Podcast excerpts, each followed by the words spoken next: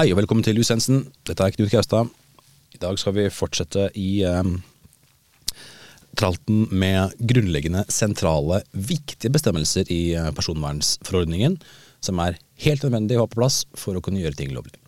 Vi skal i dag snakke om behandlingsgrunnlag. og eh, Vi har allerede nevnt det i en tidligere episode, i episoden om grunnleggende prinsipper.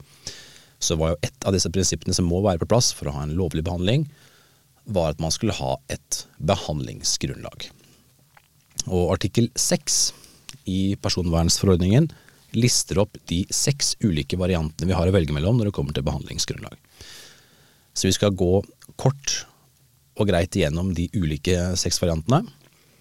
Dette her er eh, Hver og enkelt av disse kan vi egentlig ha egne episoder om. Det vil nok komme på sikt, men det her er bare en innføring i de valgmulighetene man har. Jeg vil også innledningsvis si at eh, vi kommer ikke til å snakke om behandlingsgrunnlag for særskilte kategorier, altså helseopplysninger og andre typer sensitiv informasjon. Det gjør seg i en helt egen episode seinere. Så her vil vi ta for oss de primære og ordinære opplysningene. Men begynner vi på lista. Vi har seks varianter å velge mellom. Så er den første varianten av behandlingsgrunnlag i artikkel 6 samtykke. Samtykke er noe som er veldig søtt og koselig og enkelt, for så vidt. Det har jo en del formelle krav til hvordan det skal være, det tar vi ikke nå. Men i all hovedsak, samtykke betyr at du faktisk samtykker og godkjenner at en behandlingsansvarlig bruker opplysningene dine til et bestemt formål. Et veldig enkelt og greit eh, behandlingsgrunnlag. Det er noe man fysisk signerer på, eller elektronisk signerer på. Og så er ting egentlig på stell helt til man velger å eventuelt trekke samtykket sitt. Da har behandlingsansvarlig plutselig et problem med å forsvare at de ikke lenger har et lovlig behandlingsgrunnlag, og plutselig står man i fare for å måtte slette alle opplysningene man har. Så det fins noen bakdeler, fra, spesielt fra behandlingsansvarligs ståsted, når det kommer til samtykke. Men for de vanlige borgerne og de registrerte, så er samtykke en veldig enkel og fin og trygg, trygg, uh, trygt behandlingsgrunnlag. Neste på lista er litt mer formalisert, kan man si. Altså, det dreier seg om avtaleforpliktelse. Det kan være situasjoner hvor det er helt nødvendig for behandlingsansvarlig å ha et sett med opplysninger fra den registrerte, for å kunne oppfylle vilkår i en avtale man har mellom seg. Det mest klassiske eksempelet der er f.eks. en arbeidsavtale.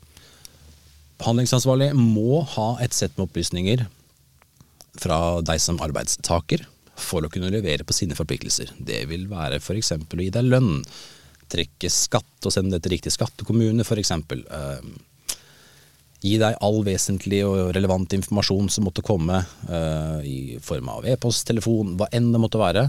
Dette her er opplysninger som arbeidsgivere må ha for at de faktisk skal uh, kunne sørge for at, å ha deg i jobb. Så avtaleforpliktelse er en veldig fin um, et fint behandlingsgrunnlag når det dreier seg om litt mer formelle, litt større ting enn hva samtykke da kanskje skal kunne, kunne dekke. Det som også er litt greit å vite når det kommer til avtaleforpliktelse, er det at de opplysningene man ber om i en avtale, er kun de opplysningene som er nødvendig for å oppfylle avtalen. Så du kan ikke dytte inn en hel masse good to know-opplysninger i en avtale og tro at dette her er en snarvei inn med å bare karre til seg informasjon. Det er kun opplysninger som er strengt talt nødvendig for å faktisk oppfylle avtalen som man kan be om.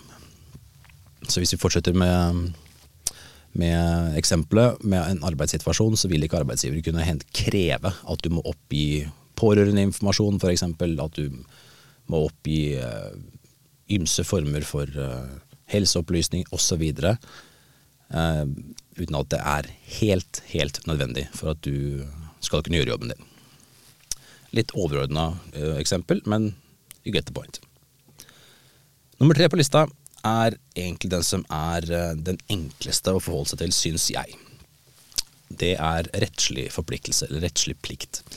Det vil si på godt norsk at en eller annen lov forplikt, forplikter behandlingsansvarlig til å samle inn opplysninger. Det er ikke et valg de har, dette er noe de må. Um, må og kan. Det F.eks. det at arbeids, uh, arbeidsgivere må også hente inn informasjon om f.eks. det her med, med, skatt, og informasjon om, uh, om skattenivå og skattesatser og sånne ting. Det er en forpliktelse de har gjennom lovverk. Um, universitet og høyskoler er også forplikta til å samle inn en del informasjon om sine studenter, f.eks. Og lage det til bestemt tid. Dette her er lovverk som sier at dette her skal behandlingsansvarliggjøre. Så man har egentlig ikke noe, noe valg. Det er sånn det bare er og skal være. Veldig forutsigbart og greit behandlingsgrunnlag, synes nå jeg. Så begynner vi å bevege oss inn i siste halvdelen på lista, hvor det begynner å bli litt mer diffust og litt mer vanskelig å forstå hva i all verden er det her. Nummer fire på lista er et behandlingsgrunnlag som benyttes i uh, sjeldenhet, vil jeg påstå. Det dreier seg om at det er nødvendig for å beskytte vitale interesser. Uh, kort fortalt, dette her er ikke noe vi kommer til bruke mye tid på, men kort fortalt så dreier det behandlingsgrunnlaget seg her om liv- og død-situasjoner. Det har en, oppstått en akutt situasjon. Det dreier seg om liv, helse, og man er helt avhengig av å dele personopplysninger f.eks. For, eksempel, for å verne om en persons uh, liv og helse. Det er noe som er helt ikke, ikke planlagt og helt uoppfordra. Så det er en sånn akuttbestemmelse hvor, hvor man da ser seg nødt til å dele opplysninger med andre for å avverge en farlig situasjon. Vitale interesser er lik krise, akutt, hast. Ikke noe som man hviler veldig mange behandlinger på i utgangspunktet men fins der som en sikkerhetsklarering i helt særskilte situasjoner. Det er det vi kommer til å si om den. De to siste er litt sånne mastodonter som kan ligne litt på hverandre på en måte, men også ikke. Det gjorde ting veldig klart, antar jeg. Men nest siste på lista, det er et behandlingsgrunnlag som uh, sier at det er nødvendig å behandle personopplysninger for å utføre oppgave i allmennhetens interesse, eller å utøve offentlig myndighet. Dette her er et behandlingsgrunnlag som eh, veldig mange offentlige institusjoner hviler seg på. For mange Offentlig Norge har en hel del forpliktelser gjennom ymse lovverk som krever at det må, må behandle personopplysninger. Det betyr ikke at det, og det trenger ikke stå eksplisitt i loven at her, disse opplysningene skal behandles på følgende måte. Eh, men det hviler et overordna ansvar, f.eks. Og ergo så må man bruke noen av opplysningene. Eh, et eksempel på, på dette her med å utøve offentlig myndighet, og at en oppgave som er i allmen, allmennhetens interesse, er den tiden vi var under pandemien. Da fikk den ganske befolkning SMS, og det var primært SMS, tenker jeg, fra Folkehelseinstituttet om de siste reglene og om eh, hvilke regler og rutiner som gjaldt da, når det kom til eh, smitte og forhindring av smitte, testing, karantene, alt dette her, det kom fra FHI. Dette er ingenting vi hadde samtykka til i utgangspunktet. Det er ikke noe vi har gitt ifra oss uh, frivillig. Dette her var noe som ble gjort fordi man mente at dette her med å gi den, det her er nødvendige opplysninger som norske befolkning må ha. Det er av, en, det er av offentlig eller allmenn interesse å faktisk få ut denne informasjonen. Så ved å hvile seg på dette behandlingsgrunnlaget her, og i tillegg vise til at man hadde noen oppgaver man måtte gjøre med å gi informasjon ut i helse, helselovgivning, smittevernlovgivning f.eks., så kunne man benytte seg av dette behandlingsgrunnlaget her.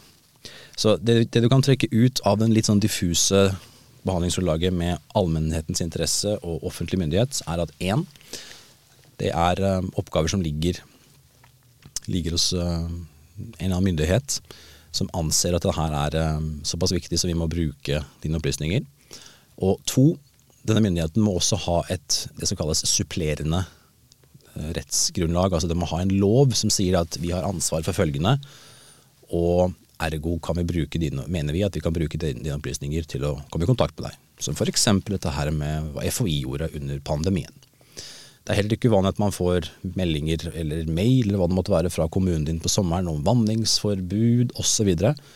Dette her er, det er den type ting. Man har et lovverk hvor man er ansvarlig for vanntilførsel til sine beboere innenfor kommunens grenser. Så man har et supplerende lovverk der som man kan vise til. Og det er av allmenn og allmenn interesse at befolkningen i kommunen har tilgang på tilstrekkelig med vann. Og ergo så kan man bruke dette her som et grunnlag for å gi informasjon til befolkningen om f.eks. det her med vanningsforbud osv. Det var den. Da er vi over på den siste på lista når det kommer til behandlingsgrunnlag for alminnelige, vanlige personopplysninger. Og det er nødvendig for å ivareta legitime interesser. Altså det er en interesseavveining her. Den kan minne litt om den forrige med tanke på at dette her er en, et behandlingsgrunnlag hvor den behandlingsansvarlige gjør mye av sine uh, vurderinger uten å helt tatt involvere det registrerte så mye. Men man har en vurdering fra behandlingsansvarlig sin side hvor man har vurdert sine formål opp mot de registrertes personvernshensyn. Hvis man mener at Vårt formål med å bruke dine opplysninger er så eh, stort og viktig, og det veier da tyngre enn dine personvernhensyn, så har man det som kalles en legitim interesse. Det er en, eh, Ergo kan man da bruke dine opplysninger til ymse formål. Det mest vanlige er uh, innen markedsføringsaspektet hvor man uh, i markedsføringsbransjen så er det slett ikke uvanlig at man har legitim interesse for å ta kontakt med deg gjennom e-post eller SMS eller hva det måtte være. Basert på en legitim interesse. Ikke at du har samtykka til det, eller at det er noen avtale i bånd eller noen ting. Men det er en legitim interesse fra behandlingsansvarlig med å få ut reklame til deg, f.eks. Vi har jo vært inne på uh, det her med rettigheter til de registrerte. En av rettighetene som faktisk henger godt sammen med denne episoden om behandlingsgrunnlag, dreier seg om retten til å protestere.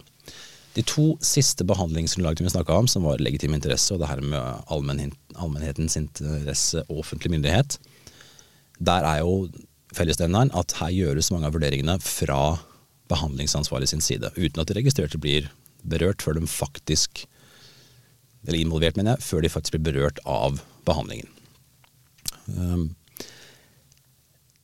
det vil jo si at det blir litt soloshow fra, fra behandlingsansvarlig. Og da er retten til å protestere en mulighet til å slå litt tilbake. For hvis man mener at dette, denne behandlingen her vil ikke jeg være en del av, så kan man protestere på behandlingen. Og sende det her inn til, eh, til syvende og sist til Datatilsynet for en vurdering om skal dette her for, behandlingen fortsatt vedvare. Er det godt nok vurdert og dokumentert fra behandlingsansvarlig sin side? uten at jeg har akseptert noe.